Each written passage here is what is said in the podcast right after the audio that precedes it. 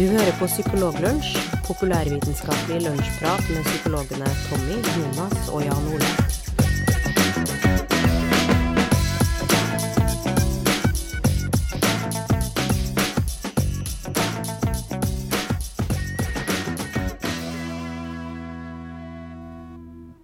Velkommen til en ny episode Psykologlunsj. Eh, ta frem matpakka og slå deg ned. Eh, mitt navn er Tommy Mangerud, og med meg som alltid så har jeg godeste Jan Ole Hesselberg og Jonas Rumpeldunk Våg. Velkommen, gutta. Har dere det bra? Ja. Terningkast tre? Kan jeg, kan ikke klage? Nei? Jo, jo, det vil si, jeg, det kan man jo. Man kan jo alltid klage. Men jeg gjør ikke det. Du velger å avstå fra det? Eh, For dere som ikke ser oss, eh, så eh, ser jeg observerer akkurat nå at Jan Ola festa en sånn nametag bakpå mikrofonen sin. Der står det Jan Ola og mobiltelefonnummeret. Det, det, var, det var kjekt, da. I tilfelle vi glemmer av hvor vi skal ringe hen når, når vi skal ha Hvis vi glemmer av hvem det er som prater, så kan vi bare se Ja, på navnet til Jan Ole. Um, vi har et uh, fullspekka program for uh, denne lunsjen uh, også. Aller, aller først så hadde vi tenkt vi skulle begynne med en liten nyhetssak, og den er det doktor And, som jeg nå har begynt å kalle Jonas, fordi når man er rett før man skal da ta og disputere som dette, når man har levert inn sin avhandling og skal snart forsvare den, så går det an å kalle en person for en doktorand. Men jeg kaller en Jonas for doktor And. Så eh, doktor And Våg, eh, har du en nyhetssak til oss? Det har jeg, vet du. På, på lørdag så var jeg ute og jogga en tur. Ja. Eh, og da, ja, Det er sånn man begynner med når man er rett før man skal disputere, ikke? Ja, det er det. For å få roa nervene, så, så var jeg ute og jogga. Leste eh, innlegget til Jan Ole på, på psykologisk.no. Eller jeg hørte det faktisk på, på Psykobabbel på iTunes. Fin podkast. eh, og da eh, har jeg begynt å jogge. Fulgt et sånt treningsprogram som, eh, som eh, Jan Ola har satt opp. Og det, det fungerer egentlig veldig bra, altså. Men, eh, men da jeg var ute og jogga, så oppdaga jeg faktisk at eh, ei, klokka begynner å nærme seg 20.00. Og jeg gleder jo meg til et program som skal begynne på TV, som, eh, hvor man deler ut priser. Og det var spesielt én pris som, eh, som jeg var veldig spent eh, over. da. Det var jo eh, hvilken, eh, hvem var det som vant årets dramaserie. Eh, og det viste jo seg på Gullruten, så var det jo kampen for Kampen om tungtvannet som vant, og ikke kampen for tilværelsen. Og det var jo det var en nedtur for min del, da. Men det var jo også en annen pris på, det, på akkurat det, den Gullruteshowet. Eh, For Teddy TV du, hadde jo fått nominert en pris der. Eh, Og hvor det var en pris som var veldig mye til felles eh, med ting som jeg er interessert i. Og det var, det var reality-prisen, for der var Jegertvillingene eh, nominert. Og jeg driver jo på med jakt, og så har jeg tvillinger. Så det var jo helt perfekt for meg. Synd at de ikke vant. uh, men så men så, vet du, så var det jo en annen pris også som var på, var på, på lørdagen. Og det er jo det det er jo det det her programmet egentlig skal handle litt om, da. Vi har faktisk fått vår egen eh, Altså vår egen Jan Ole Hesselberg har vunnet en gullrute med programmet Folkeopplysningen. Det fortjener en applaus. Takk, takk, takk. Hvordan føles det? Du, det, det føles, uh, føles overraskende bra. Uh, nå Jeg vant du faktisk uh, en gullrute i fjor også med typisk deg i samme kategori. Men, eh, men da var ikke jeg der. Men nå var jeg i salen og var med og fikk eh, ta imot prisen. Og det, eh, det er ganske sånn forløsende når du hører de første bokstavene som indikerer at eh, eh, det er eh, navnet på folkeopplysningen da, som blir sagt. Du hører den og vinneren er. Og når du hører den lyden, da Det, det føltes, føltes overraskende bra. Så jeg, jeg tror jeg ropte ganske sånn uforskammet høyt da, da det ble sagt. Mens alle rundt meg var litt mer dannet og, eh, og tok det med fatning. Men hvordan er det etterpå? Er det sånn at du veksler blikk f.eks. med han eh, Are Sende Osen? Han var jo òg nominert i den kategorien, f.eks. Nei, er, de, de, holder liksom aktivt de nominerte liksom fra hverandre etterpå. De, skiller, de holder vinnerne for seg selv. Og... Så de ikke får noe sånn Kanye West-tendenser og sånt? Nei da. Nei, jeg, jeg, jeg møtte, ikke, møtte, ikke, Are. Men eh, jeg følte jo kanskje at det var en veldig sterk konkurrent i utgangspunktet. Ja. Eh, for det programmet liker jeg veldig godt. Det er normal galskap. Og han er jo en veldig fin programleder også. Mm. Så det hadde ikke overraska meg om de vant heller. Men det er du også, Jan Ole. Du er en veldig fin programleder. men, men fortsett litt på behind the scenes. Da. Var, var, det sånn at det var rød løper og sånn? Gikk du på rød løper liksom før du ja, man gjør det når man skal inn der, og det står folk utenfor og tar bilder. Men eh, det er ikke sånn kjempemange som er interessert i han psykologen fra Folkeopplysningen. For det er en del andre der som, som tiltrekker seg litt flere. Så, eh, så havna jeg i en veldig morsom situasjon hvor, eh, hvor jeg og Andreas vi gikk nedover et sted hvor det uh, blir tatt bilder av det, uh, før, uh, før, showet begynner. Og så, og så var det ikke sånn kjempemange som var interessert i oss i utgangspunktet. Uh, og i uh, hvert fall ikke sånn kjempemange som er interessert i han lange mannen som står ved siden av Andreas. Uh, og så kom plutselig Sigrid Bonde Tusvik og Lisa Tønne og han trønderen fra torsdag kveld fra Nydalen, jeg husker ikke hva han heter. Brungot, eller Ja. Og da, og da, ble jo vi Da ble jo plutselig de veldig interessante, og så sto vi tilfeldigvis i nærheten. Uh, og da tenkte de sikkert Ja, Andreas, du kan stille deg sammen med de. Men så sto jeg sammen med Andreas. Så ble jeg liksom Så ble, endte jeg opp med å stå og ta bilde av uh, disse fire veldig kjente menneskene. Og hvem er han andre der? Står ved siden av. Så det er, det er morsomt å få, få innblikk i den uh, verden der. Men jeg tviler på at de bildene der blir publisert, for det er jo det er jo en sånn linselus på, på de bildene der. Det ble for stor sånn Photoshop-jobb. Ikke sant. Men, men det, det, dere der er jo liksom TV-serienes TV uh, Oscar på et vis, det? Eller uh, TV-programmenes Oscar? Ja, det er jo det. Det er jo Det arrangeres da i, i forbindelse med de nordiske mediedagene som arrangeres i Bergen. Så det er jo mm Eh, folk er samla der nesten hele uka i forkant, så det er et, eh, et veldig viktig møtepunkt for, eh, for bransjen. Og nå er det jo en god del priser som ikke er sånn kjempeinteressante for folk flest, kanskje. Men det er en markering av, av hele mediebransjen, og da spesielt TV-bransjen. da. Mm. Det er jo det eneste, rett, det eneste rettferdige i hele verden, vil jeg påstå, at uh, Folkeopplysningene fikk eh, den prisen. da. Jeg har jo, som jeg har nevnt tidligere, jeg har jo sammenligna dere med, med, selveste kroppen vår og Trond-Viggo Torgersen, fordi at eh, folkeopplysning, som det da er i navnet, er virkelig så utrolig sentralt og viktig i det programmet. så at det utdanner folk på en veldig sånn enkel og lett måte. Jeg elsker jo programmet. Ja, og det, det, er jeg jo selvfølgelig veldig enig i. Og det som, det som jeg syns øh, Nå er det veldig lett Man får ufortjent mye oppmerksomhet når man er en av den som er på skjermen. Det skal bare sies. Og, øh, og øh, det som jeg syns er veldig bra, det er at det finnes en kanal som NRK som, som, tør å satse på sånne typer programmer. Jeg tror ikke det Folkeopplysningen kunne gått noe annet sted enn på NRK.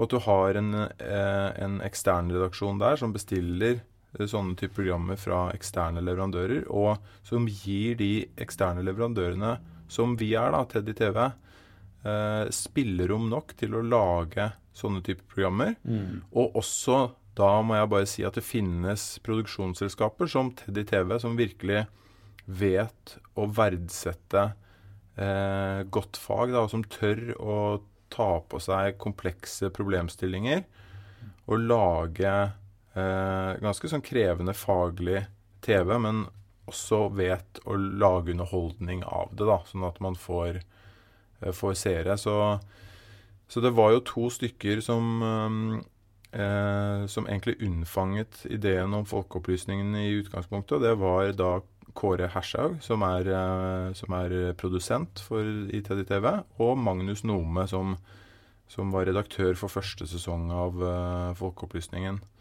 Uh, og de møtte jeg på et ganske tidlig tidspunkt, og da ble jeg jo inkludert i, i det prosjektet der. Det var i 2010 allerede, så det begynner å bli ganske mange år siden. Mm. Og syns bare det er veldig, veldig, flott at det finnes, uh, finnes et uh, selskap som satser på, på sånne ting. Mm. Har du ikke noen sånne bloopers-historie eller noen sånne noen morsomme greier som aldri kom på TV, eller noe sånt, nå, Jan Ole, som, uh, som, du kan fortelle om? Da, uten at du blir saksøkt, eller noe sånt?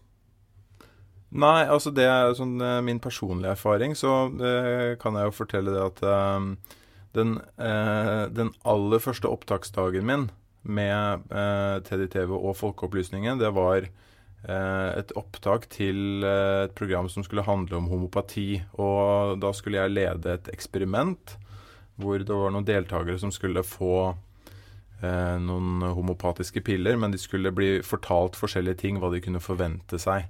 Altså En gruppe fikk beskjed om at de kunne forvente seg at det hadde en veldig oppkvikkende effekt, og den andre at det var en, et søvndyssende preparat. da.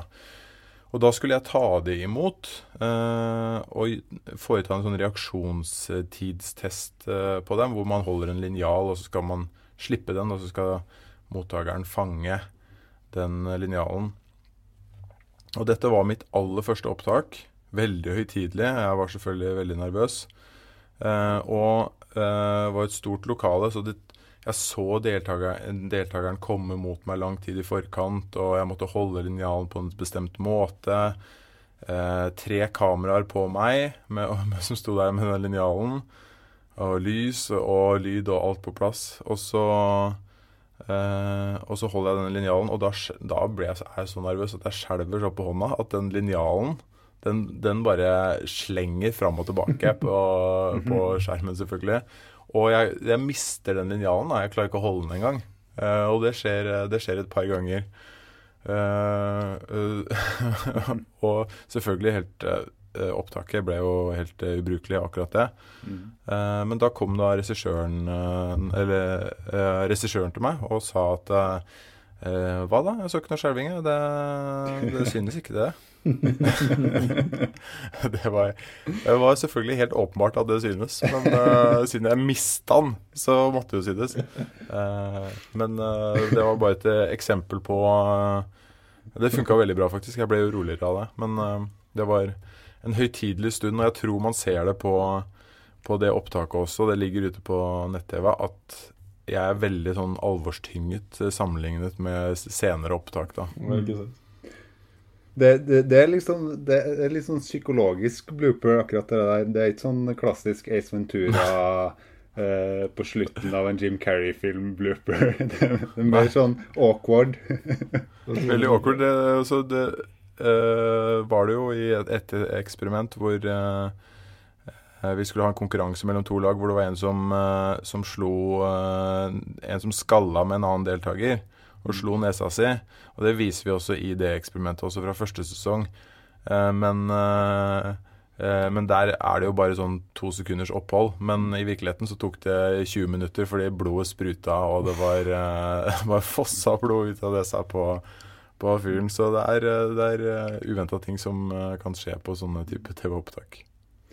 Men, men det, altså det, å jobbe i et TV-selskap er jo ikke en Eh, sånn klassisk det man forbinder med en psykologjobb. Eh, kan ikke du forklare litt hvordan, hvordan er det du For du er jo fag, fagansvarlig og, og, og, jobber som psykologspesialist og gjør en del research da, for programmene, sånn som jeg forstår. Hvordan mm. Ja, nei, det, det, stemmer bra, det. Jeg, jeg kom jo inn um, fordi at jeg snakket uh, om en del sånn tankefeil og sånn, og så bestemte jeg da de som jobbet med det, at det skulle bli et sånn fast innslag, da, og at det, eh, det psykologiske skulle, skulle, ha en plass der. Mm. Uh, og uh, senere, da de skulle få lage en ny serie med Petter Skjerven, uh, TDTV, så hentet de da inn meg på litt mer fast uh, basis, sånn at jeg ble ansatt der. Mm. Og da er min jobb da egentlig var å eh, komme med liksom eh, faglig stoff til eh, programmene. Eh, faglig innhold. Og også tenke på hva slags demonstrasjoner eller eksperimenter man kunne gjøre på, på TV, da. Mm. Og det har vel egentlig vært eh, jobben min i de aller fleste produksjonene der, som det har blitt eh, noen av etter hvert. Ehm, men eh, etter hvert også så skrive litt manus, da. Så det har blitt, det har blitt en sånn greie som eh, som jeg ikke kunne noe om i utgangspunktet, men som har blitt eh, blitt eh, en del av jobben min. Å skrive manus og også gjøre eh, research, eh, finne intervjuobjekter og ja. Så det er en utradisjonell eh, vei, men akkurat det føles sånn, sånn som det har gått, så har det blitt liksom naturlige skritt eh, hele veien. Eh, og det er jo det er jo veldig lurt av Teddy TV, tror jeg, også, å ha litt uh, faglig kompetanse inn i, inn i produksjonene sine. Og det handler ikke bare om at man henter inn eh, en psykolog nødvendigvis, men også at man henter inn en med litt sånn akademisk bakgrunn som kan å lese forskning generelt. da. Mm. Eh, for det er det jo ikke eh, alle journalister som er spesielt eh, trent i. Og det er jo veldig mye forskning som ser eh, bra ut, som kan virke liksom tilforlatelig, men som egentlig er dårlig fordi at eh, utvalget er veldig lite, at man ikke har kontrollert eh, har en god nok kontrollgruppe og sånne ting. Og det, det, det er ofte jeg er med og vurderer sånne ting. Og Mm. Folkeopplysningen er jo et program som handler om egentlig om dårlig vitenskap. Mm. Så det er jo en ganske stor del av, Mm. av jobben, det å skille klinten litt fra hveten der. Mm. Ja, for det må jo være et ganske stort eh, Altså det at eh, Teddy TV har ansatt deg, må jo være en veldig stor styrke fremfor det at eh, eh, Kan jo se for meg andre, andre TV-programmer eh, kanskje leie inn folk for å, for å uttale seg, eller hente inn folk for å uttale seg om et visst type tema. Men når, når også du da er med i i bakgrunns, altså det å hente inn bakgrunnsinformasjon for hele programmet må jo være en styrke med, med de programmene du er med på å lage. da.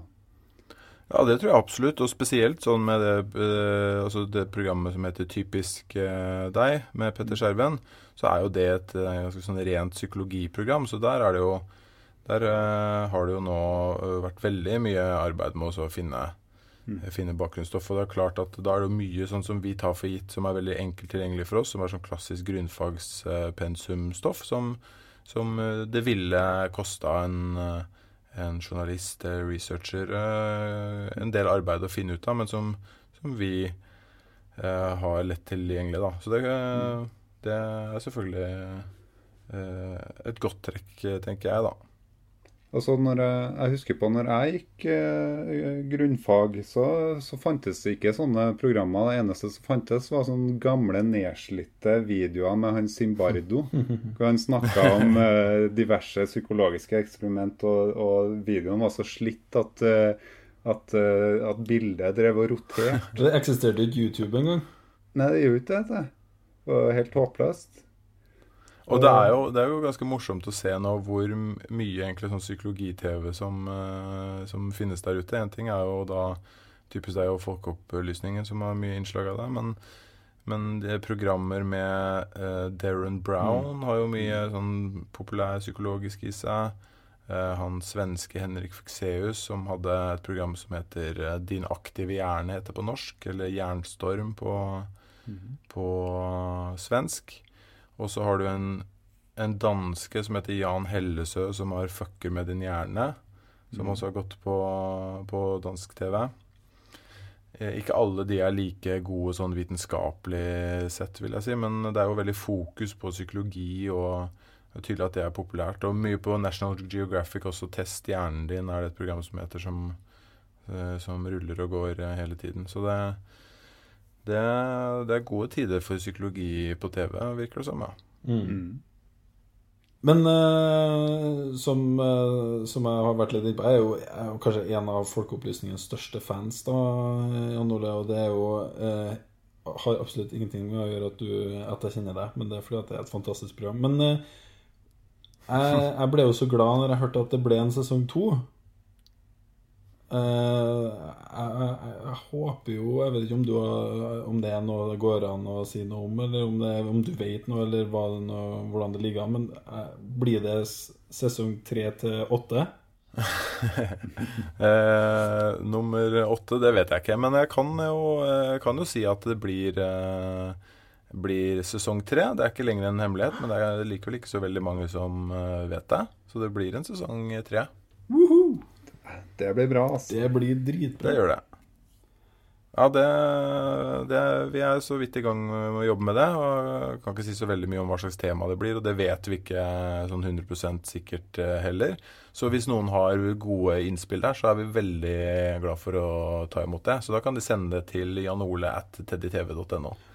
Eh, Da kan det komme, komme noen forslag. Da, vet du. Det, og det er sånn, Jeg ser jo både på Facebook og kommentarer overalt ellers at det, folk kommer med tips hele tida. Det har de jo gjort helt siden første sesongen. Kan ikke dere ta for dere det, da? Eller kan dere snakke eh, ta Ja. Hva, hva, er de, hva er de hyppigste forslagene dere får, som dere, eh, som dere ser dukke opp igjen og igjen? Nei, altså etter eh, første sesong så var det veldig mange som etterspurte kiropraktikk. Eh, og det tok vi jo også i, eh, i andre sesongen. Og legemiddelindustrien? Eh, ja, det var det også en del som etterspurte. Det gjorde vi også. Eh, men så kanskje det som I hvert fall følelsen min av det, er at det som etterspørres oftest, er at eh, Folkeopplysningen skal ta- ha en episode om religion. Mm. Eh, Ja, det har jeg skjønt. Det har dukka opp ganske ofte, og det er Det handler nok veldig mye om at folkeopplysningen assosieres veldig med den skeptikerbevegelsen som eh, finnes i Norge, og at den eh, er veldig nært knytta til eh, Den er ganske sånn uløselig knyttet til ateisme, da, Mm. i, eh, i mange tilfeller. Og, eh, og så vet jeg jo at eh, sånn eh, Richard Dawkins, f.eks., som er en litt sånn fanebærer for den nye ateismen, han, han jo, argumenterer jo for at det, det er ikke sånn at man eh, nødvendigvis eh, kan avfeie og si at vi kan ikke, vi kan ikke ha et vitenskapelig blikk på religion, fordi det, det handler om tro. Han sier at eh, ja, det kan, det kan stemme at det handler om tro, men det er likevel vi kan likevel snakke om en sannsynlighet eller en plausibilitet i om det finnes noe. Og han Etterprøvbarhet. Ja, ikke sant? Og du kan, det er jo noe du kan etterprøve. Og, og uh, så er, er det god vitenskap eller ikke, og passer det, da er det noen som mener at det kanskje passer inn i folkeopplysningen. Men, men det, er nok, uh, det er nok en litt for vrien oppgave mm. å løse. Ikke fordi at det er så eh, himla kontroversielt, men fordi at det nok blir litt sånn vanskelig å lage, uh, lage den type TV av det. Mm. Ja. Uh, så uh, vi får se. Og, uh, for det er jo òg litt med folkeopplysningen at det er jo litt miks av humor og Altså det, det, er jo- et, humor, et lite humoristisk element i selve programmet. altså Det skal være lett og ledig. Og, og, til, og, og da er det jo kanskje Det er jo en utfordring å, å gå på de veldig sånn eh, kanskje eh, livsfilosofiske temaene. Jeg vet ikke hvordan, har, har dere gjort noen refleksjoner rundt det? Ja, absolutt. Og det er jo det er ikke, det er ikke til å stikke under en stol at det, det er noen der ute som mener at det blir, blir for eh, lett og ledig. Eh, eh, og at eh, det, altså humorelementene blir for, for store. Så det, det skjønner jeg, kan jeg godt skjønne også. Det er jo, jo temaer som eh, trenger, ofte trenger mer enn 29 minutter eh, ved TV. Så, så det, er, en- det er en utrolig vanskelig balanse.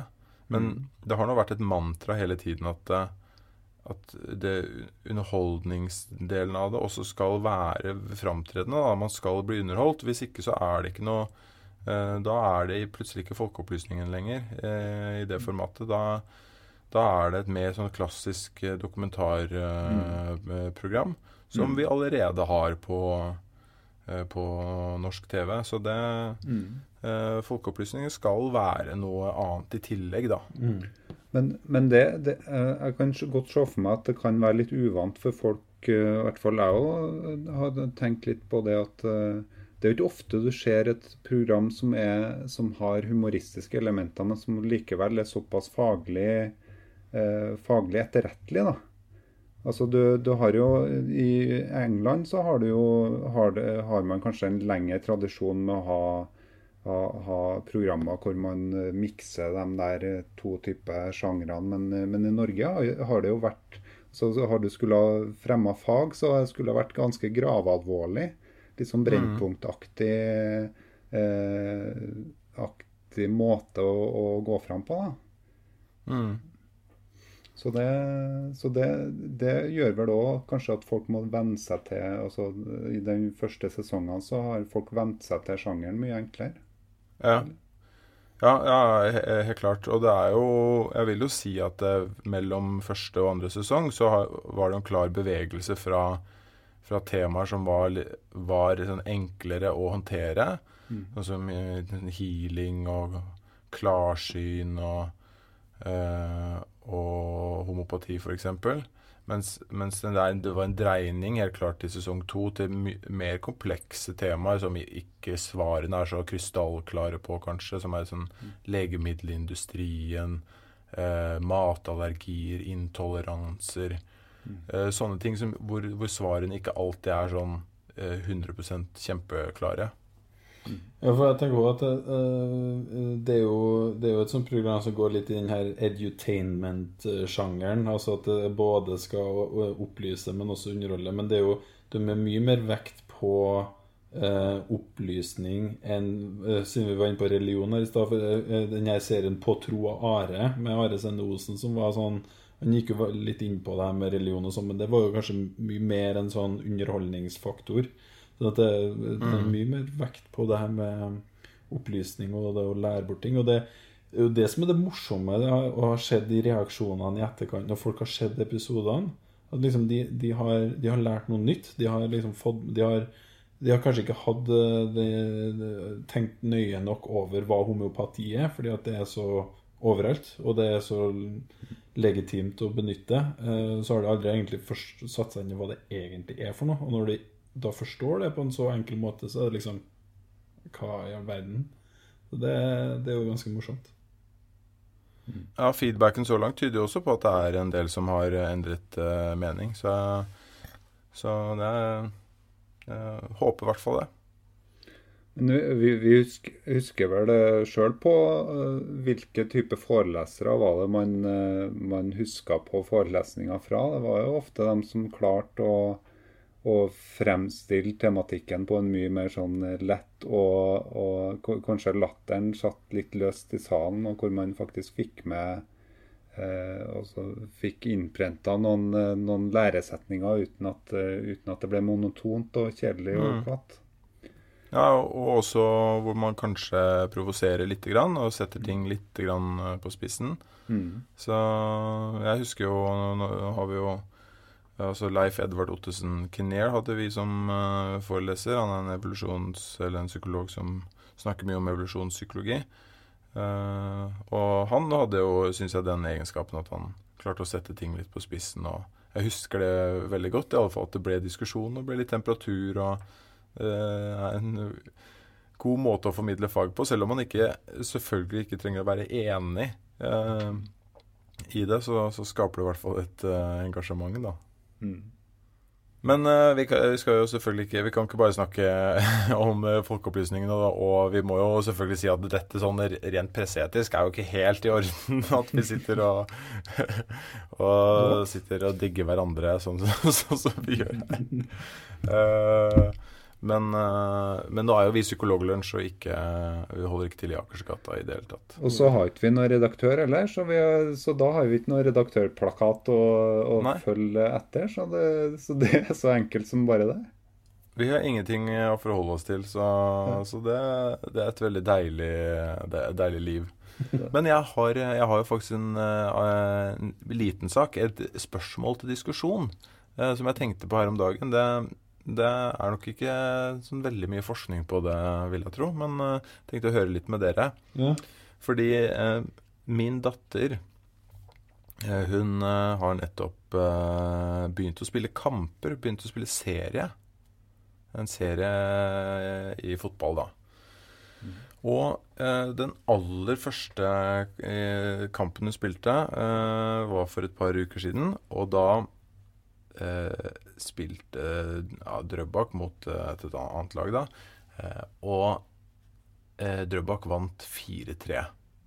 Og min datter skåret tre av de fire målene. Wow. og så og er sånn, hun er ikke noe sånn fantastisk fotballtalent, sånn som ingen er egentlig på den, i den alderen der. Vi snakker, snakker om åtteåringer her. og da tenkte jeg Er det en god start eller ikke? Altså, hennes første opplevelse med fotballkamp er at hun eh, skårer tre mål.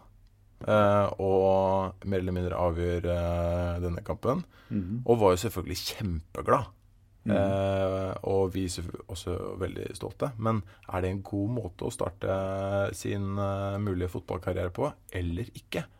Hva skjer med forventningene til mm. neste kamp, da?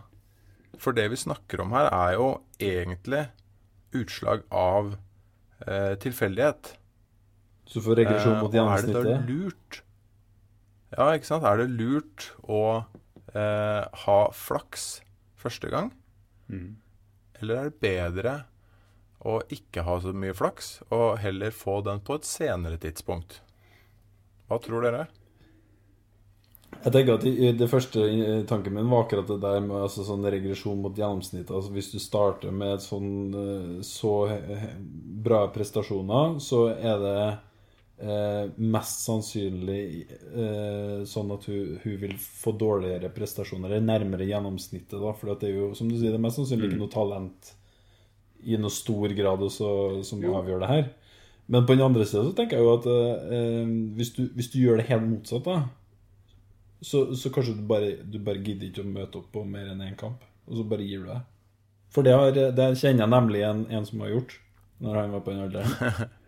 Men, men altså eh, For nå tenker jo dere jo eh, sannsynlighetsberegning og alt mulig sånn. Men, men egentlig så i, her, eh, i denne ligninga så er det jo egentlig a fixed coin. Altså det er jo ikke sånn at, at du i første omgang spiller bra 50-50 med, med at du spiller dårlig. Det er jo faktisk sånn at du ganske ofte spiller dårlig. Eh, men mm. etter hvert så, så, blir du jo trent sånn at, eh, sånn at krona blir mer, eh, mer, mer vekta opp mot at du, du spiller bra etter hvert. Så, så, da er det jo egentlig fornuftig da i starten å Eller det er ikke fornuftig, men i hvert fall det, det er bra å kunne ende opp med noen heldige myntkast. da, hvor du, hvor du faktisk spiller bra. For etter hvert så har du en treningseffekt. Og, og ja. mynten, er, mynten, endrer seg over tid. Så neste gang, neste gang er det hun litt bedre, og da er sannsynligheten kanskje litt bitte grann høyere for at hun vil gjøre det bra. Ja, men det du, det du antyder da, er jo at det kanskje bidrar eh, den, det utslaget av tilfeldighet og flaks i første kamp til å, å sørge for at motivasjonen opprettholdes til videre Eh, sånn at utviklingen kan fortsette? Er det det du sier? Det, det kan hende. Men, eh, men ja. uansett så vil hun altså det Hun vil jo ha, trene i mellomtida. Ja. Hvis du da har tida, du som er gullrutevinner, har tida til å ta med dattera di på, på, trening. Nei, det er jo helt sekundært nå, selvfølgelig. Det kan jo ikke, be, kan ikke belaste. Du kommer dit og bare Unnskyld, hvor er champagnen? Hvor skal jeg du, uh, så, så, jeg, så, jeg, tenker at uh, OK, det kanskje påvirker, men, men, men, i utgangspunktet også så er, så er, det jo det er bra å få inn noen vinnere i starten. Når du uansett får en treningseffekt mot slutten. Det er jo kjedelig å bre- brenne Eller du brenner jo ikke av dem, men det, det, det er bra at de dukker opp nå ikke senere. Ja, ja. For du tenker at det det er naturlig at frekvensen vil øke senere? Ja, hos alle. Ja, men, men da glemmer du jo at eh, de andre også eh, har treningseffekt. Ja, Så, så relativt til den resterende gemene hop i uh, Fotball-Norge, jenter åtte år, uh, vil jo også altså, Ja, du- Vil jo ferdighetene øke der også? Der har du egentlig ganske rett, da. Men, men Og etter hvert så vil du jo få en, en Altså en seleksjonsbias, da, eller at folk, at folk detter jo av. De dårlige detter jo av, så det blir jo bare verre og verre å gjøre det bra, egentlig. Så ja, nå, nå er jeg mer usikker igjen. Jeg syns egentlig det var et bra resonnement i utgangspunktet, men ikke etter at uh, du kom med de innspillene. Men altså, jeg er jo, jeg er jo utgangspunktet en, eh, en forkjemper av middelmådighet, og advarer, føler jo jeg prøver å advare folk veldig sterkt mot uh, den her selvrealiseringsfella. Så jeg syns jo sånn, eh, for å sette litt på spissen, at det er en uting at folk gjør det bra i noen ting som helst. For at folk flest er jo gjennomsnittlige, det er jo det gjennomsnitt handler om. Så eh, de aller, aller fleste er sånn her ganske middelmådig fotballer. fotball, da. Eh, ja. så, så det er like så greit å bare venne seg til å være middelmådig med en gang. Ikke ha store forventninger om å gjøre det veldig bra. Heller ikke eh, at du er veldig dårlig, men bare sånn helt OK. Og bare venn deg til å være fornøyd med det.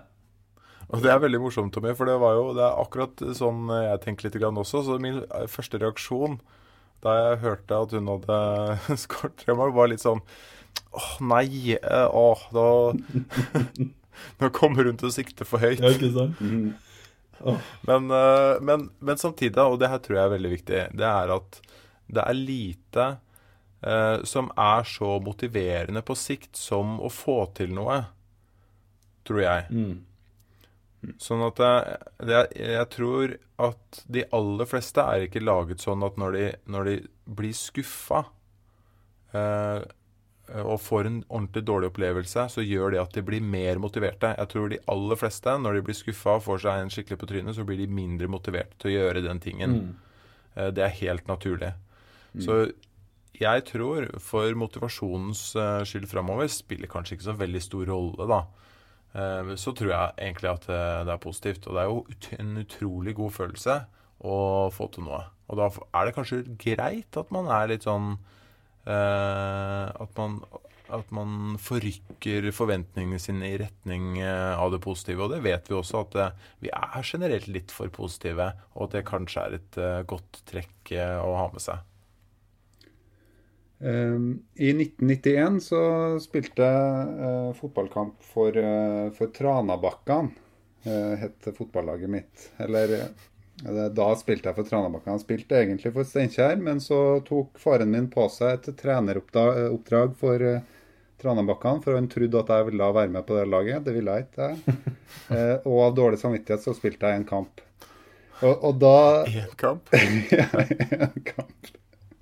Så da Og da scorer jeg fra, eh, fra min egen altså ikke, Det er jo 16 meter, kaller vi jo det på en stor bane. Jeg vet ikke hva det kalles på en, eh, på en liten bane. Men jeg sto i hvert fall på enden av den og blemma til et langskudd, og det gikk rett i kassa.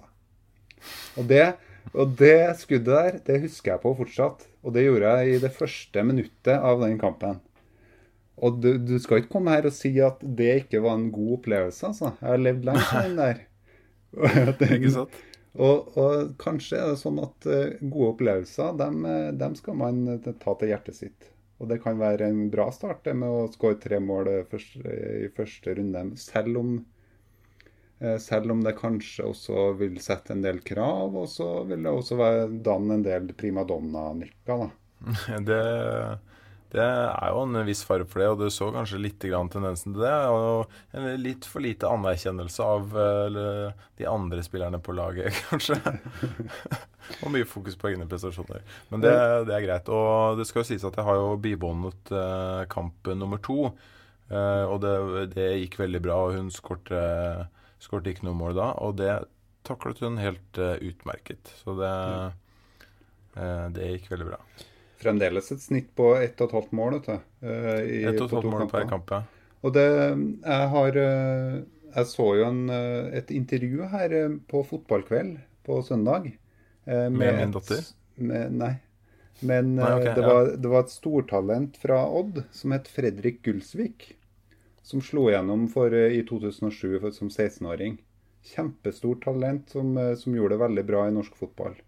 Og var spådd å få, få en stor karriere i utlandet og alt mulig sånn. Og problemet hans var akkurat sånn som du er inne på, Jan Ola. Han gjorde det altfor bra i starten. Så i, så i det intervjuet med han, så, så snakka han om det. At, eh, at han egentlig så skulle han ha gjort det så bra i starten, fordi at motivasjonen etter hvert ble egentlig ganske dårlig. Så, så der eh, det, det var interessant at du tok opp akkurat det temaet her. Så fikk jeg dratt fram at jeg har sett på fotballkveld. Da gjenstår det jo egentlig bare å se om eh, den anerkjennelsen som da Jan Ola har fått i dag i forbindelse med hans gullrute, om det fører til at han eh, eh, motiveres til å gjøre en enda bedre prestasjon, eller om han da eh, blir offer for eh, regresjon mot gjennomsnittet og opplever seg som en helt sånn middelmådig TV-kjendis etter hvert. Eh, uansett, vi eh, takker for eh, lunsjen sammen med dere, og ønsker dere alle sammen eh, to flotte uker fram til vi høres neste gang. Eh, rundt den tida så eh, høres ikke stemmen til Jonas Rumpeldunk Våg eh, ut sånn som den har gjort i dag, for da er han i eh, Da holder han på å disputere med doktorgraden sin, og har gått en oktav høyere opp i eh, stemmeleiet sitt.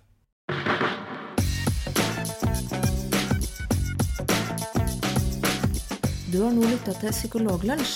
Har du noen spørsmål, kan du søke opp Psykologlunsj på Twitter, eller du kan sende en e-post til psykologlunsj alfakrøll gmail.com.